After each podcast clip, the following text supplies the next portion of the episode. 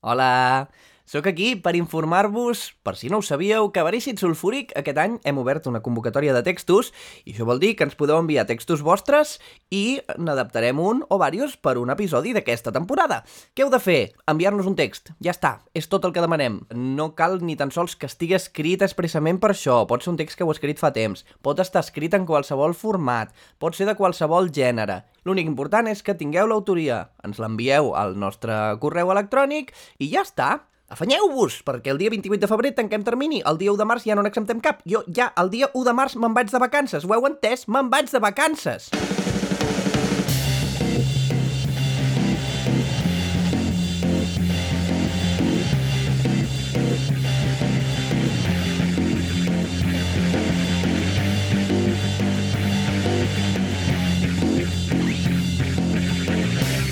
Verícid sulfúric. Avui a Verícid Sulfúric, l'existència de tot plegat. Escrit per Anna Ferrer Albertí, Vicent Ortega i Pau Pérez. Amb Pau Pérez, Laia Garcia, Anna Ferrer Albertí, Vicent Ortega i la col·laboració estel·lar d'Irene Miràs com a Lluís Nicolau com a Pablo i Didac Badies, és a dir, jo.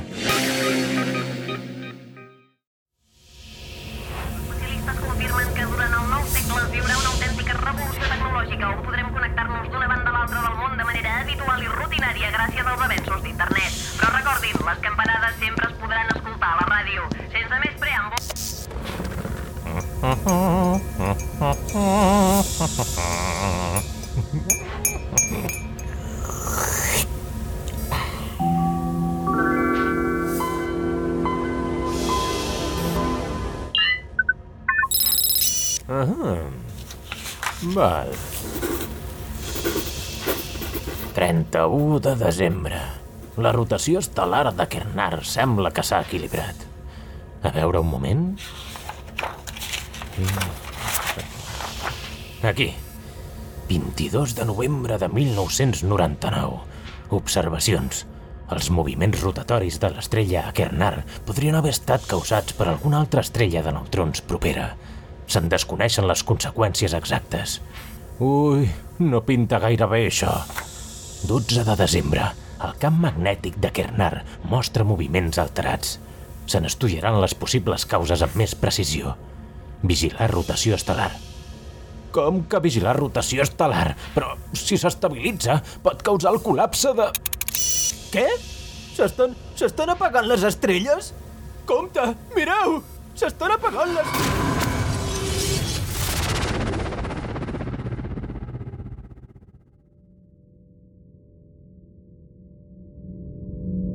Ostres, no m'esperava que acabaria així tan ràpid. No he pogut ni acabar-me el cafè. En fi, tampoc podíem fer res als terrícoles per evitar-ho, oi? Ja ho diu el refrany. Si Akernar s'estabilitza, de ben segur farà la guitza. Ai, però no m'he presentat. Em dic... Treballo per la burocràcia còsmica. La meva feina és documentar els esdeveniments del planeta Terra. No us penseu que m'he quedat sense feina. De seguida l'univers es regenerarà, tornarà a començar el bucle i es crearà tot una altra vegada. És com funciona l'existència de tot plegat. Sí, l'univers, la vida, és un bucle. Aquest darrer va començar fa... 13.700 milions d'anys terrestres. No està malament, però l'anterior havia durat més. És que cada cop és diferent, sabeu? I és molt divertit comparar, sobretot quan hi ha planetes els habitants dels quals arriben a ser formes de vida mínimament intel·ligents. En un mateix univers, en una mateixa galàxia, en un mateix planeta, de fet, poden ocórrer successos extremadament similars o, en canvi, radicalment oposats. Voleu que repassem una mica el que ha passat al planeta Terra en aquest pla d'existència? Tinc uns quants capítols subratllats que em fan prou gràcia. Així fem temps mentre es restableix l'univers. Mentre torna el Big Bang, no? No ens agrada dir-li així? Big Bang? um, vale, va, som-hi. Per exemple, aquí. Aquesta etapa de la història l'anomeno l'era on vaig passejar per la Terra contemplant la bellesa de l'evolució i les noves famílies de plantes i flors. Els humans l'anomenen Cretaci terciari, i en cert moment del Cretaci terciari un vehicle metàl·lic de quatre rodes propulsat per un motor de combustió interna creua el cel. Un cel jove, un cel que, potser, encara no està preparat per vehicles metàl·lics de quatre rodes propulsats per motors de combustió interna.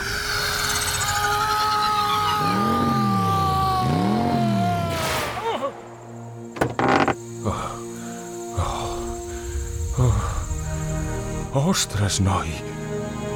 O sigui que això és el futur.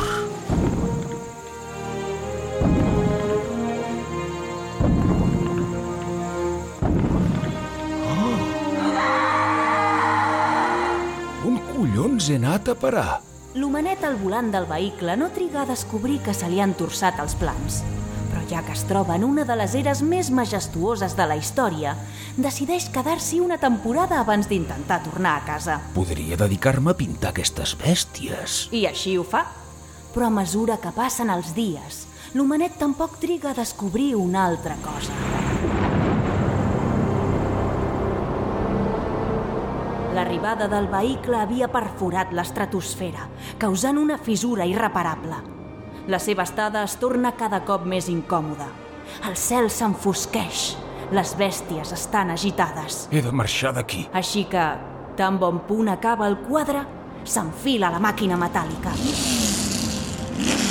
Vinga, vinga, vinga! Sí, som-hi! Ah! I desapareix. Just a temps per salvar-se.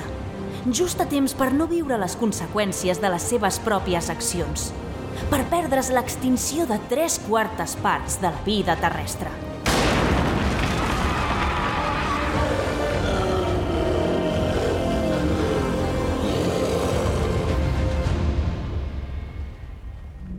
En un capitolet més alegre podem passar l'època que titulo L'era on Júpiter es veia més nítid que mai. Pels humans, antiguitat clàssica. La civilització sumèria és responsable dels majors avenços socials, polítics i culturals fins aleshores.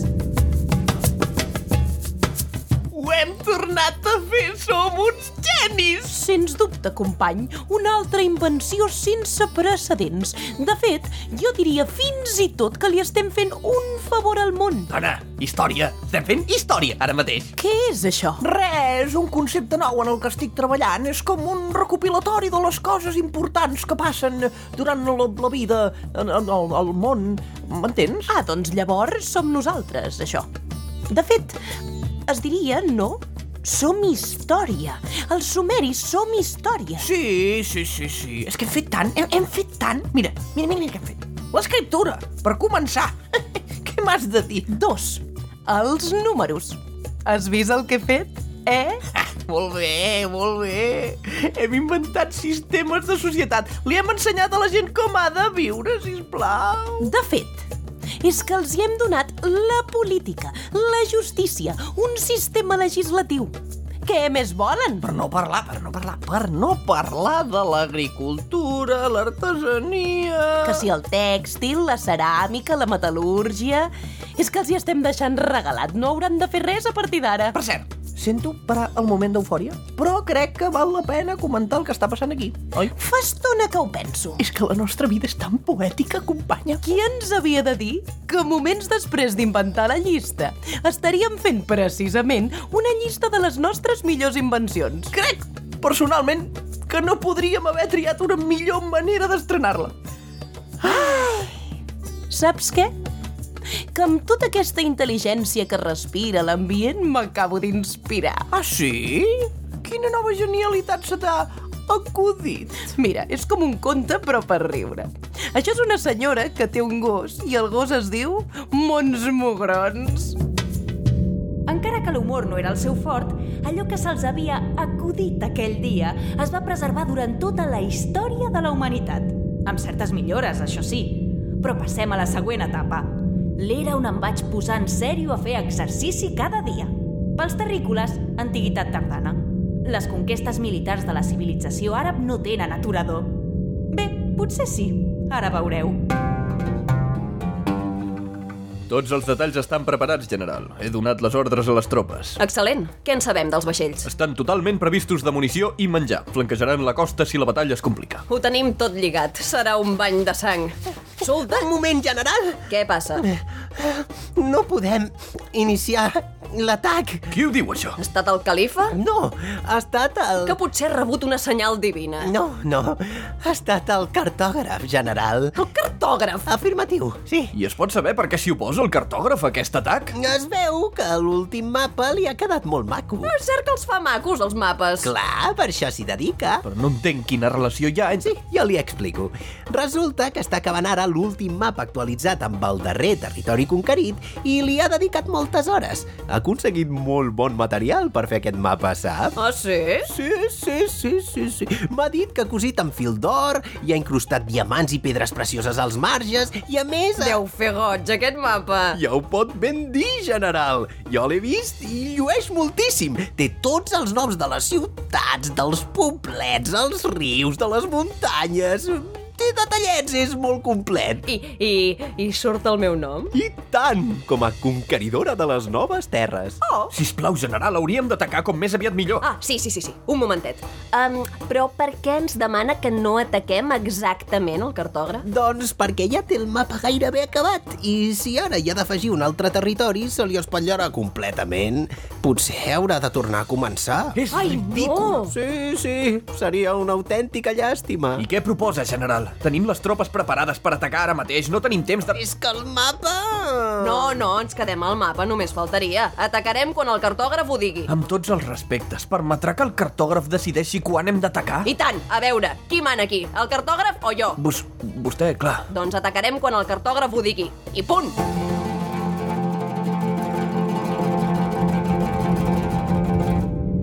Bueno, i ara arribem al que jo anomeno l'era més avorrida de tots els temps.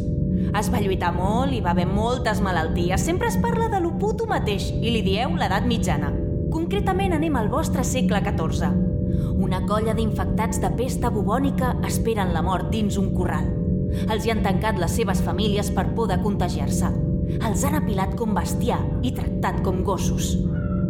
Ja la veig. Veig la mort que s'acosta. La mort és una vella dama de pell blanca com la neu i em canta la cançó de les tenebres. Ja torna a delirar. No és veritat. Jo vaig veure la mort ahir al vespre i és una bèstia immensa de les negres. I si vas veure la mort, com és que encara xerres? És que segurament tenia molta feina i em va deixar per més tard. Quan el rei posa fi als oracles del judici, nasqué la mort negra i les nacions s'hi rendiren. Tinc unes ganes que ens morim tots plegats que ni us ho imagineu. Potser hi ha diferents morts i es reparteixen la gent, no? Vella dama, vella dama, abraceu-me d'una volta i porteu-me'l més enllà. Uf, Calla, va, que encara espantaràs la mort i ens quedarem aquí més dies. Jo la crido, la crido perquè ens lliuri d'aquest patiment. el patiment sou vosaltres, de veritat. Sempre ens talles el rotllo. És veritat, no hi ha manera d'estar malalt en pau. Això dic jo? Si et donés per delirar una mica, potser estaríem més còmodes. Ah, ara jo m'he de trobar pitjor perquè vosaltres us trobeu millor? Només diem que la pesta ja és prou dura com per tenir-te aquí queixant-te tot el sant dia. Va, va.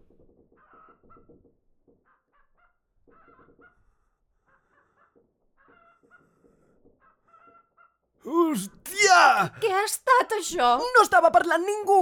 Ningú! Ha sigut horrible! Mira, tu ara sí que em trobo malament, eh? M'estimo més morir de pesta que tornar a passar per una cosa així. No, no, no, a veure una cosa, és que llavors no vull tornar a passar, eh? No, no, no, no, no, no, no, no, Els apastats no ho sabien, però en aquell petit corral, en aquell precís moment, s'acabava d'esdevenir el primer silenci incòmode de la història. I aquesta puta època no s'acaba mai. Però en aquest bucle hi ha hagut un detall curiós. Mireu com va anar a la caça de bruixes.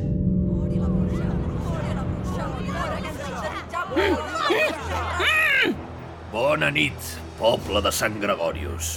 Com a suprem inquisidor de la capital us porto a Marige Sonderfan. Una dona qui molts de vosaltres coneixeu com la carbassera del carrer Padestul, però Avui es presenta davant vostre com el que tots sabem que és. Una bruixa!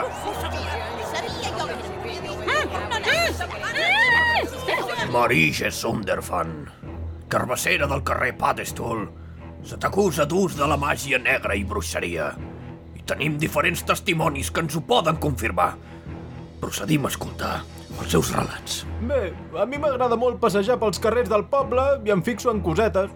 Puc assegurar amb absoluta precisió que cada dimecres a les dues del migdia un gat negre entra per la finestra del primer pis de Cala Marige. I què hi fa? Un gat negre a casa de la senyora Zonderfan. Al principi no li donava importància, però un dia em vaig parar a escoltar i el que vaig sentir... Uh, sorolls estranys, riures... Semblava un conte de terror. Sens dubte, el que devia passar dins aquella casa devia ser horripilant. Un gat negre és senyal de bruixeria.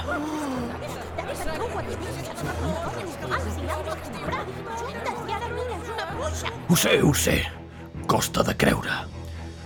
Però escolteu el nostre segon testimoni ho entendreu tot.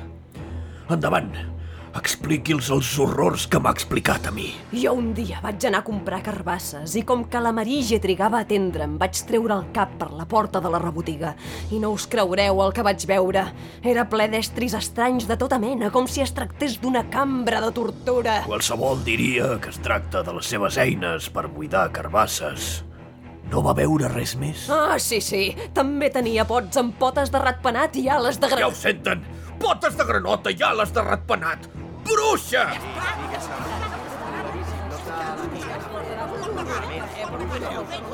I per si tot això no fos prou, el que sentiran a continuació els acabarà d'obrir els ulls a la veritat. Jo, un dia, la vaig enxampar amb una escombra. I què feia amb aquesta escombra? Doncs... mm, escombrar. I ja està? Res més? N'està segur? Ah, ah ja t'entenc, ja. Hmm, no, res més. N'estic completament segur. Escombrava. Escolta una cosa. Sí, sí, sí, sí, sí, tal com ho senten, una escombra. Jo ho vaig veure com si fos ahir. És una bruixa.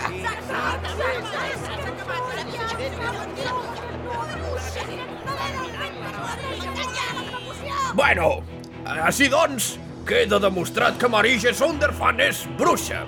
Procedim a l'execució! No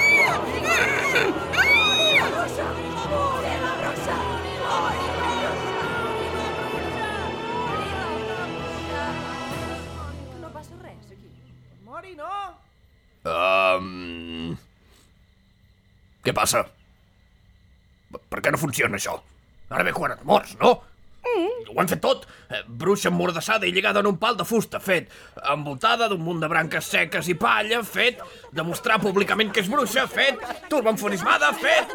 Per què no va? Ahà! En aquest punt del bucle que ens ocupa, el foc encara no ha arribat a Europa. Apa, passem a... 12 d'octubre de 1492. El dia que vaig trobar un pinatell. Dos turistes sobrevolen l'illa de Guanahani al Carib. Es pensen que van a Itàlia. Aquell dia tothom anava una mica confós. Tutti e presti. Un cop entrem a Andròmeda podrem establir contacte. Per primera vegada enviarem un missatge a la civilització d'un planeta diferent i el nostre. Com ho farem, finalment? Ja s'ha decidit quina serà la millor manera de comunicar-nos amb ells? Sí, després de mil·lennis d'estudis quantitatius i qualitatius, s'ha resolt que l'opció B17 és la que presenta un marge d'error més baixini. Ah, l'opció B17, la meva preferida. Tu seràs l'encarregat d'executar-la. Oh, vaja. I quin serà el meu paper? L'executora. Que bé, que bé, però... Eh, a veure, jo sé que tu et feia molta il·lusió. Em sabria molt greu treure't a tu l'honor de ser eh, l'executora. Només has de prémer un botó, tampoc n'hi ha per tàctil. Ja, bueno... Eh... Un cop ho facis, no hi haurà marxa enrere.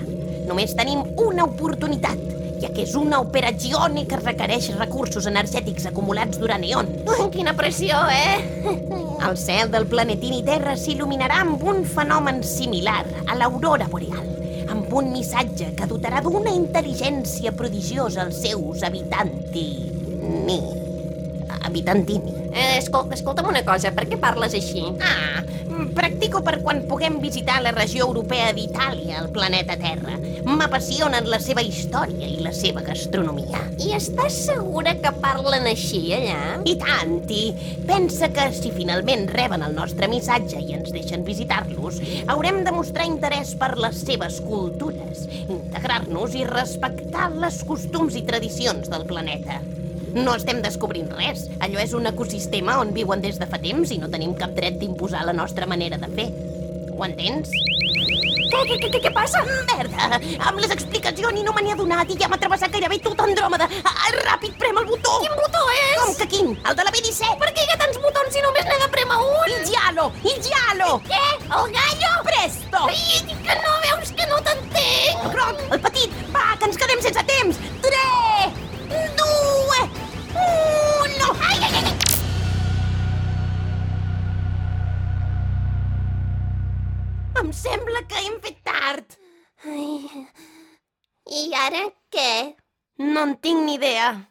Ens caurà una bona bulla.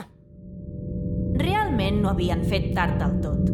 El senyal havia arribat a la Terra com estava previst, però tan just per acabar el compte enrere que el missatge només va ser al cel durant una centèsima de segon. En qualsevol altre moment de la història, amb una centèsima de segon hi hauria hagut prou per comunicar-se amb els terrícoles.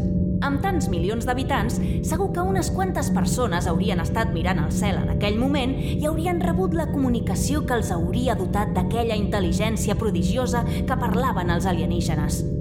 Però flipa, perquè va passar una cosa increïble.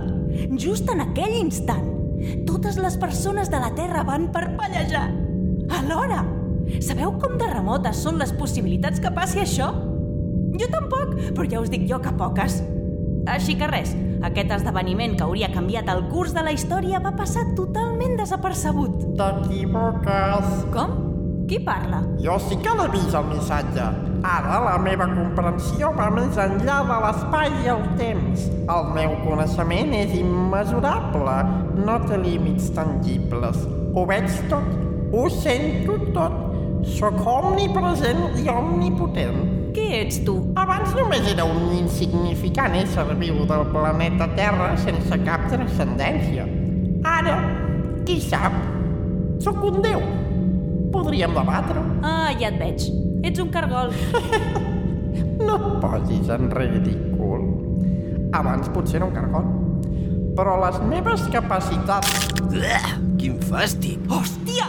Va, baixeu dels barcos, que hi ha terreno aquí per explorar, però vamos, que, que no s'acaba, no s'acaba.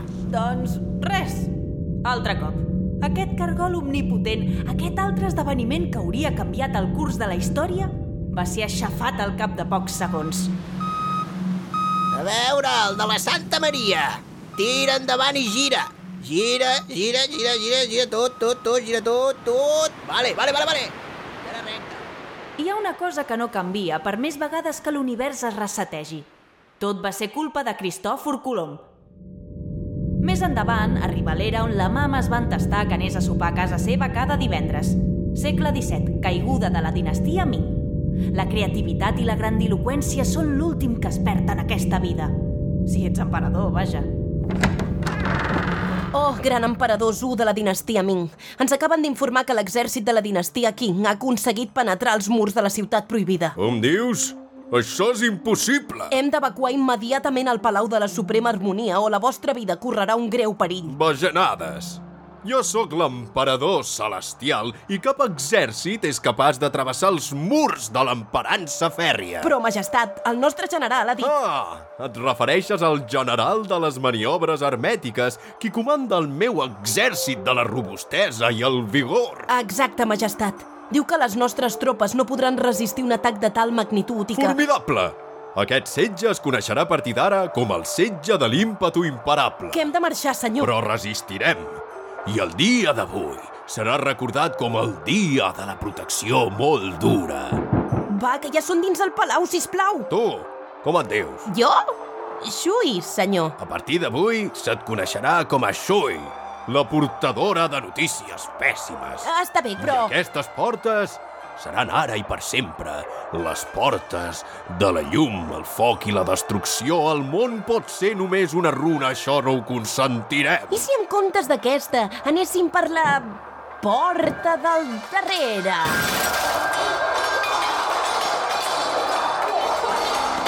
Maleïts sigueu! No us donaré aquesta satisfacció. Abans em faré l'araquiri de qui riu l'últim riu millor. I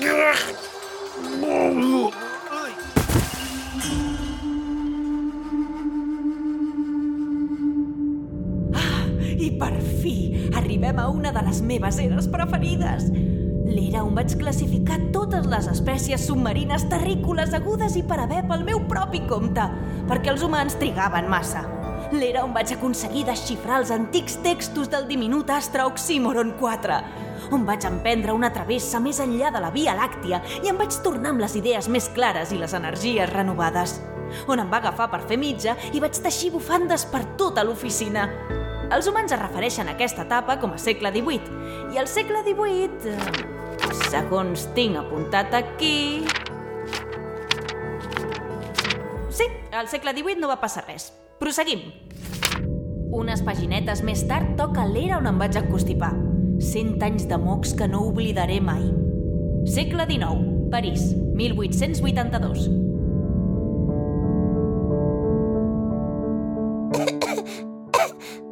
Papà, quan em trobaré millor? Demà em donaran la paga i et compraré els medicaments que t'han receptat, Sara estimada. I podré sortir a jugar? Aviat, molt aviat.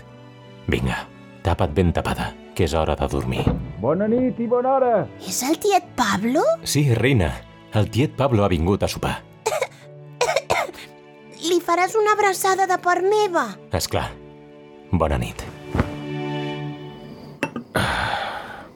T'has de plantar, Nicola. No em puc plantar si vull donar de menjar a la meva filla. Tens un dels cervells més ben parits de tots els temps i estàs deixant que et tractin a coses. No exageris, Pablo. Treballo i em paguen. Et paguen una misèria i el malparit de l'Edison s'emporta el mèrit de tots els teus invents. Et sembla que exagero? Sé que t'hi sents identificat, però... Identificat. El dia que l'art estigui tan ben considerat com l'enginyeria, ja parlarem de si m'hi sento identificat. Si pogués vendre quadres a la meitat del que tu pots vendre invents, seria ric. Ho sé. I vas regalant la teva obra com si res. Potser no tinc la teva visió comercial. Li parles de visió comercial a un mort de gana que ve a rapinyar-te a sopar. Som dos artistes avançats al seu temps, Nicola. Ningú no ens entendrà mai. Què? Avançats al nostre temps. Sí, senyor. Saps què? Volia ensenyar-te'l quan el tingués acabat, però crec que ara és bon moment. Ensenyar-me què? El meu últim prototip. Anem al soterrani. Hi he estat treballant des que la Sara i jo ens vam instal·lar a París. I d'aquest no se n'emportarà el mèrit ningú més que jo, Pablo. Això t'ho asseguro. Si aconsegueixo que funcioni, revolucionaré l'enginyeria moderna de manera definitiva i irrevocable. Posa't allà. Ajuda'm a destapar-lo. Som-hi. Una, dues i tres. Què és això? Es tracta d'un vehicle metàl·lic de quatre rodes propulsat per un motor de combustió interna. Qualsevol altre inventor hauria pogut arribar a dissenyar-lo en les circumstàncies adequades. La màquina en si mateixa no és gran cosa. I doncs? El meu vehicle metàl·lic de quatre rodes propulsat per un motor de combustió interna és especialment especial. Gràcies a un parell de retocs i molts experiments, crec haver aconseguit que aquest vehicle tingui la capacitat de portar-me on ningú ha arribat mai fins ara. A la Lluna? A Portugal? El futur, Pablo. He inventat la màquina del temps. T'adoro, Nicola, però estàs sonat. Sé que m'adores. Mai m'he pres la teva confiança a la lleugera, amic. Per això he seguit els teus consells. He batejat aquest invent amb el meu nom, perquè no hi hagi dubte de quin és l'autor. I també amb els noms de les dues persones més importants de la meva vida. Et presento el Tesla Sara Picasso. Oh, oh, oh. Gràcies, noi. És un dels noms més horribles que he sentit mai. Sé que no em creus. És normal. Però m'he equivocat alguna vegada? No, tens raó. Confia en mi. Quan el tingui acabat, el Tesla Sara Picasso canviarà el món. Potser podem viatjar junts a un futur on el públic estigui preparat per entendre la teva obra, com, no ho sé, 1937? Sembla un bon any. Ah. Però, ara per ara, Ja n'hi ha prou de somiar. Dóna'm unes setmanes i t'explicaré com progressa la cosa. Unes setmanes... Ja vinc, reina meva! Pablo, sisplau, endreça-ho tot mentre vaig a veure la Sara.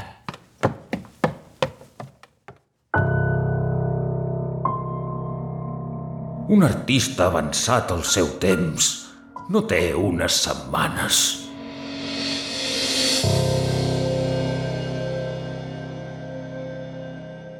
Nikola Tesla va morir a la pobresa el 1943. Sobre Picasso, alguna anotació en dec tenir a les pàgines de l'últim segle.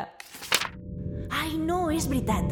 D'això, aquesta etapa l'anomeno l'últim segle, com ja he comentat. I també... Eh, L'era on vaig prendre cafè per primera vegada, però no tenia ni idea que es bevia calent i em vaig cremar la cavitat degustadora i vaig escopir amb la mala sort que em van a parar tot el cafè als apunts.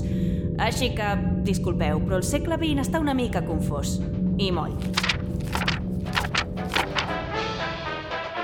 Vejam, a principis de segle, George Méliès roda la seva obra mestra, una pel·lícula sobre dos germans lampistes que entren i surten de canonades gegants com per art de màgia. Soc que jo, George Méliès. Als anys 10, el transatlàntic britànic RMS Titanic navega exitosament des de Southampton fins a Nova York.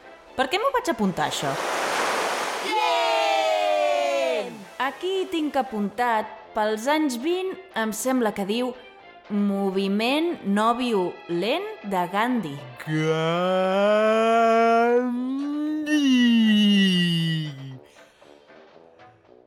T'estimo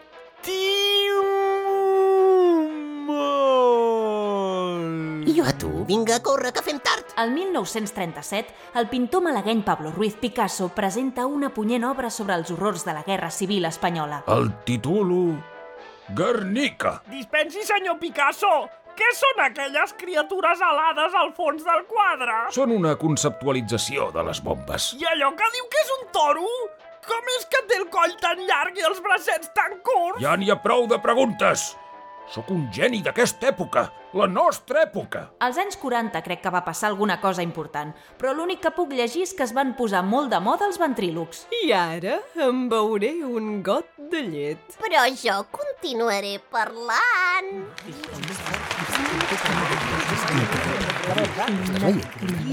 Després, als 50, aquí hi posa que hi ha un dia que es mor la música.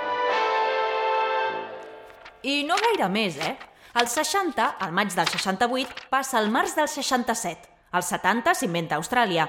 Ah, i als 80 el Guernica arriba a Espanya després de més de 50 anys voltant pel món.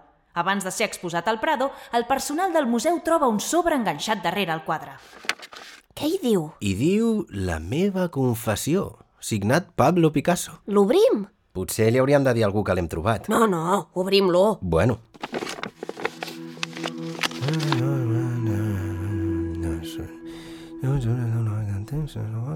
Què, què, què diu?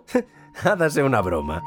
Parla d'una màquina del temps i de dinosaures i no sé què, de que Nikola Tesla era el seu millor amic i el va trair. Veus com no li havíem de dir a ningú? Tens raó. Vinga, posem-nos amb el quadre. I ja som a finals del segle XX, que és on s'ha acabat aquest bucle existencial de l'univers.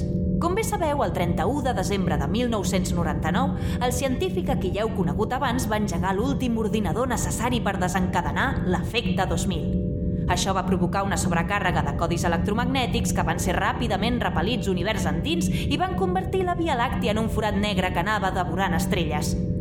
Sí. Ui, perdoneu que haig d'encetar un diari nou.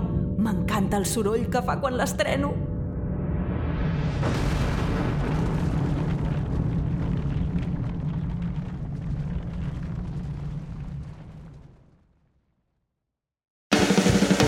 Gràcies per escoltar Verícid Sulfúric. Pots trobar totes les novetats a Instagram, Facebook i Twitter sota el nom Verícid Sulfúric. A més, recorda que pots donar-nos suport a patreon.com barra Verícid Sulfúric.